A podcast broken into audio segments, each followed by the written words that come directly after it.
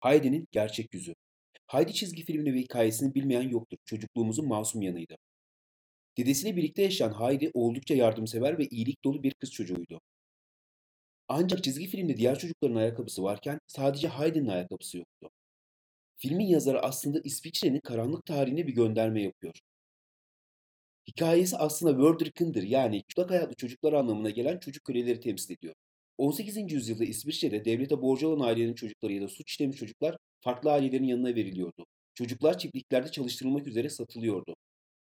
Köle olan bu çocuklar ağır işlerde çalışıyor, ahırlarda yatıyorlardı. Hatta diğer çocuklardan ayırt edilmeleri için çıplak ayaklı olarak gezmek zorundaydılar. İsviçre'de bu sistem uzun yıllar devam etti. 1981 yılında yasaklandı. İsviçre devleti resmi olarak hayatları çalınan bu çocuklardan 2013 yılında özür diledi.